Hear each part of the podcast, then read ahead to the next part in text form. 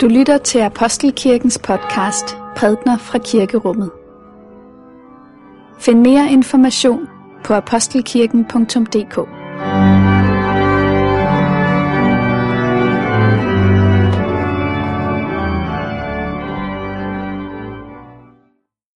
Godmorgen og velmødt til gudstjeneste. Det er i dag Maria bebudelsesdag. Og det vil sige, det er den dag i fasten, hvor vi hvor jeg ikke skal have det lille messetøj, men det hvide messetøj på, fordi det er en festdag midt i fasten. Det er dag, vi fejrer inkarnationens begyndelse. Det at Gud blev menneske i Marias mave. Vi skal høre to tekster. Den ene er beretningen om selve bebudelsen. Den anden er fra Esajas bog, profetien om, hvordan den unge kvinde skal blive gravid og føde en søn, som skal hedde Emmanuel, Gud med os. Temaet for gudstjenesten er sejr i overgivelse. Den hellige lektie skriver i profeten Esajas. Herren talte på ny til Akas. Bed om et tegn for Herren din Gud, nede fra dødsriget, eller oppe fra det høje. Akas svarede, jeg vil ikke bede om noget tegn, for jeg vil ikke udæske Herren. Da sagde Esajas, Hør nu, Davids hus, er det ikke nok, at I er mennesker til besvær? Skal I også besvære min Gud? Men Herren vil selv give jer et tegn. Se, den unge kvinde skal blive med barn og føde en søn, og hun skal give ham navnet Immanuel. Vi skal læse fra evangelisten Lukas. Da Elisabeth var i 6. måned, blev englen Gabriel sendt fra Gud til en by i Galilea, der hedder Nazareth. Til en jomfru, der var forlovet med en mand, som hed Josef og var af Davids hus. Jomfruens navn var Maria. Og englen kom ind til hende og hilste hende med ordene, Herren er med dig, du benåede. Hun blev forfærdet over de ord og spurgte sig selv, hvad denne hilsen skulle betyde. Da sagde englen til hende, Frygt ikke, Maria, for du har fundet noget for Gud. Se, du skal blive med barn og føde en søn, og du skal give ham navnet Jesus. Han skal blive stor og kaldes den højeste søn, og Gud Herren skal give ham hans far Davids trone. Han skal være konge over Jakobs hus til evig tid, og der skal ikke være ende på hans rige. Maria sagde til englen, hvordan skal det gå til? Jeg har jo aldrig været sammen med en mand. Englen svarede hende, Helligånden skal komme over dig, og den højeste kraft skal overskygge dig. Derfor skal det barn, der bliver født, også kaldes helligt Guds søn. Også din slægtning Elisabeth har undfanget en søn nu i sin alderdom. Hun, om hvem man siger, at hun er ufrugtbar, er i sjette måned. Til intet er umuligt for Gud. Da sagde Maria, se, jeg er Herrens tjenerinde. Lad det ske mig efter dit ord. Så forlod englen hende. Amen. Der står om Maria i dagens tekst, at hun var forlovet. Hun var altså ikke fri på markedet. Hun var optaget, da englen gjorde sin entré og forkyndte hende, hvad der var hendes livs retning og mission. Der var en, der havde givet et løfte til Maria, og Maria havde givet sit løfte til ham, at det var de to. Det var det, hendes liv handlede om. Hun og Josef, de havde nu taget skridtet. De var blevet forlovet. Inden længe skulle de gifte, så skulle de øh, bygge hjem og familie sammen. Og øh, ja, det var den retning, som Marias liv havde, da englen Gabriel kom og forkyndte hende, at hun skulle føde verdens frelser. Jeg dvæler lidt ved den her omstændighed, at Maria var forlovet, fordi at vi måske let forfalder til en forestilling om Maria som sådan et ubeskrevet blad. Som en blomst, der i ensom skønhed står i skovbunden et sted, indtil englen kommer og plukker den. Men sandheden er jo, der er allerede et pollen, der har sat sig i hendes støvfang. Og øh, at hendes liv har allerede fået en retning.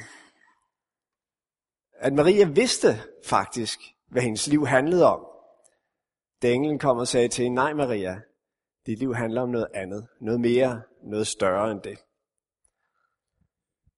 Og dermed kommer den her beretning om Maria bebudelse til at omhandle det, man kan kalde konflikten mellem Guds vilje og mit liv. Maria havde sit liv. Det havde allerede fået en retning, og hun var klar over, hvad det skulle handle om. Men Guds vilje satte det ind i en, i en anden sammenhæng og gav det en ny retning. Jeg tror, der er en fare for at forfalde til en forestilling om, at Gud er sådan en, der bekræfter vores liv. At, han, øh, at vi i virkeligheden er dem, der ved, hvordan vores liv skal være, hvad der skal til for, at det giver mening, for at det bliver et, et lykkeligt, et rigtigt menneskeliv. Og at Gud så står derude i kulissen og applauderer, velsigner, anerkender, ja, godt, det er sådan, det skal være. Altså, at, at Gud ligesom er inde i vores ekokammer, som en, øh, en røst, der, der bekræfter og siger, det er godt nok, det er fint, bare fortsat af, af det spor. Altså, at Guds rolle i virkeligheden er at sige, din vilje ske. Altså, min vilje ske. Han bekræfter den vilje. Men umærkeligt er der i den her proces sket en ombytning af Guds og vores roller. For Guds rolle er ikke at sige til os, din vilje ske, og bekræfte og velsigne, anerkende den vej, som vi allerede har valgt. Men vores opgave er at sige, din vilje ske, og giver os over til den i overgivelse.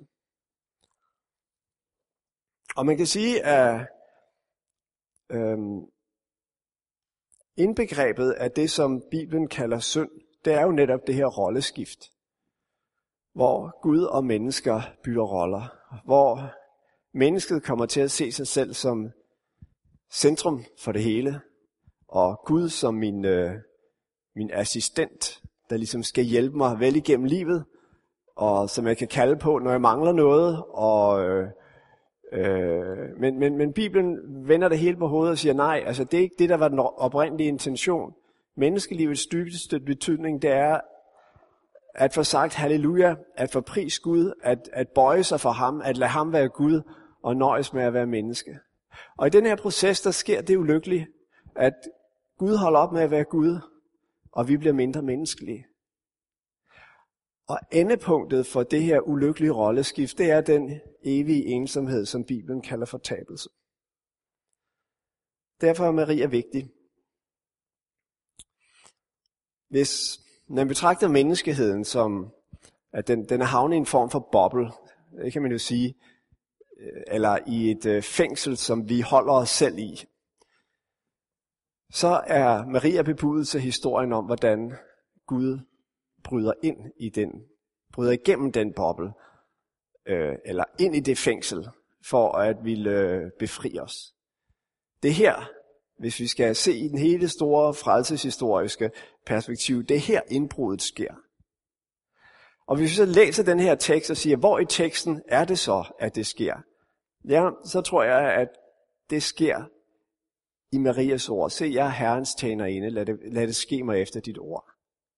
Altså i den overgivelseshandling, som Maria der giver sig ind under. Så overgivelse. Temaet for dagens gudstjeneste er jo sejr i overgivelse. Hvad er overgivelse? Hvis to drenge op og slås og ruller rundt på gulvet i kamp, og den ene så ender med at ligge øverst og holde den anden skulder ned mod jorden, så kommer før eller siden den bemærkning, overgiver du dig? Og hvis ham, der ligger ned, så nikker eller siger ja, så er man klar over, hvem der, hvem der har vundet og hvem der har tabt. Så er der ligesom etableret et hierarki mellem de to drenge. Indtil næste gang de slås, så kan det være, at udfaldet bliver anderledes. Men forestil dig så en anden situation. Forestil dig et barn, der er løbet hjemmefra. Ikke sandt? Der var et eller andet, der gjorde det sur, og nu løb det ud på egen hånd, og det er slet ikke stort nok til at klare sig selv. Faren går efter det, eller moren, og leder efter det. Og så kommer det øjeblik, hvor barnet siger øjnene, nej, det, det går ikke det her. Lad mig overgive mig. Og så melder sig og kommer tilbage til faren. Den, den overgivelse er af en anden karakter. For her er det egentlig ikke sådan, at barnet taber, og forældrene vinder. Nej, barnet vinder. Fordi det i virkeligheden finder tilbage der, hvor det hører til.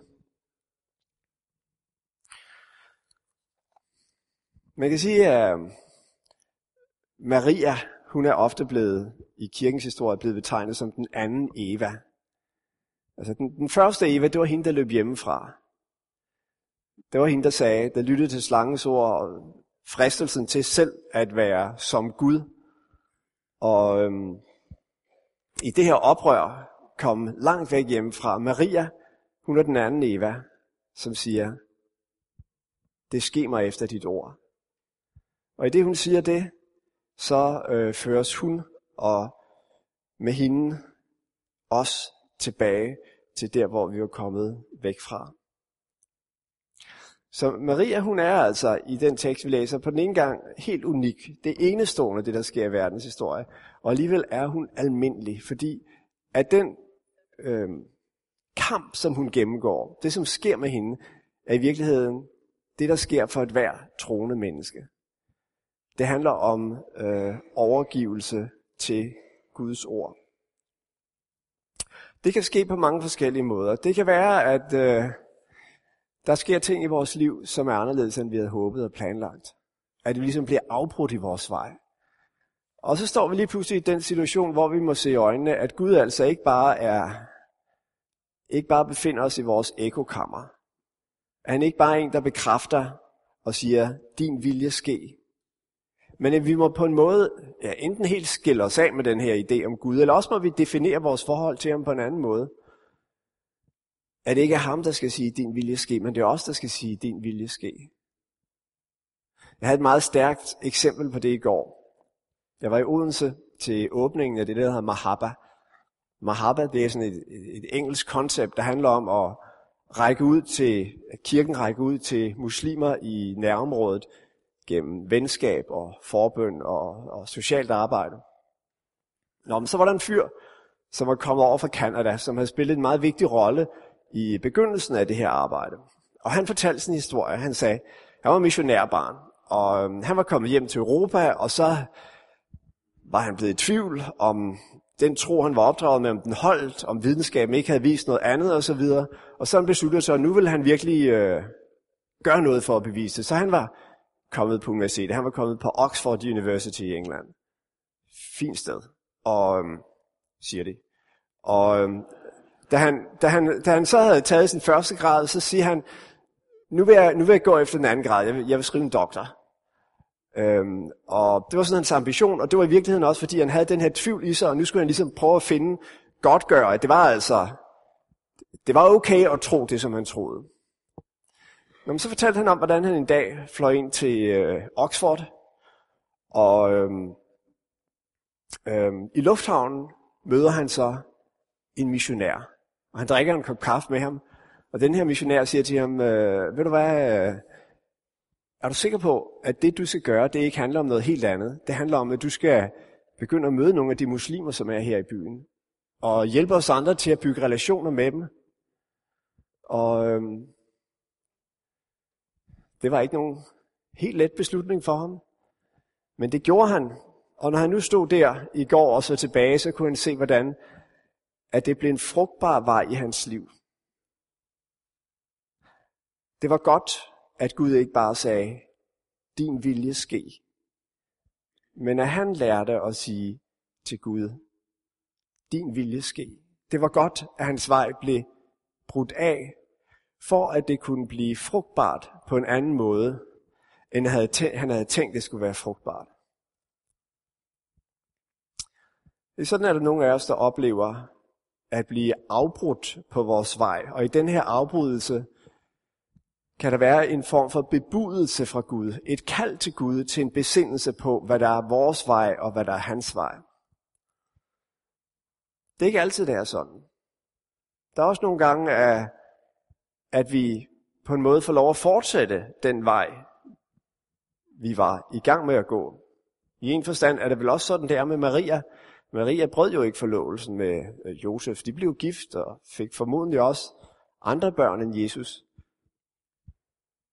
Så i en forstand fortsætter hun, og alligevel er alting blevet forandret fra bebudelsens øjeblik, fordi at hun har set sit liv i et helt nyt perspektiv. Hun har set, at der var, at den historie, som hun var en del af, at den i virkeligheden var en del af en meget større historie. At det ikke bare handlede om hende og Josef. Det handlede om menneskeheden. Det handlede om andre menneskers frelse. Det handlede om, at Guds liv kunne blive en del af, af menneske, menneskers liv. Jeg tror, der findes bebudelser i vores liv. Øjeblikke, hvor vi bliver mødt af et ord fra Bibelen, eller på anden vis et ord, som rammer os, som øh, sætter vores livsprojekter i et nyt perspektiv, og får os til at besinde os og spørge os selv, jamen har jeg egentlig et, et rigtigt blik på mig selv og på det, som er min opgave her i livet? Er jeg fanget af tankemønstre, som for eksempel kan være forbundet med sammenligning og konkurrence, og, og som risikerer og lægge mit liv øde i det lange løb. Det, som skete i Maria, det var, at Jesus begyndte at leve i hende. Det er jo det, undfangelse er. At der er et nyt, et andet liv, som tager form inden i os. Og i en forstand er dette liv også en del af Marias liv. Det er jo i hende, det er jo også en del af hendes organisme. Og alligevel er det noget mere end hende. Det er Kristus, der bor i hende. Og det er det, som er betydningen med livet, med troens liv. Paulus siger det sådan, jeg lever ikke længere selv, Kristus lever i mig. Det er en livslang proces. Det er ikke noget, som er et øjeblik sag. Vi kommer aldrig til ende med det.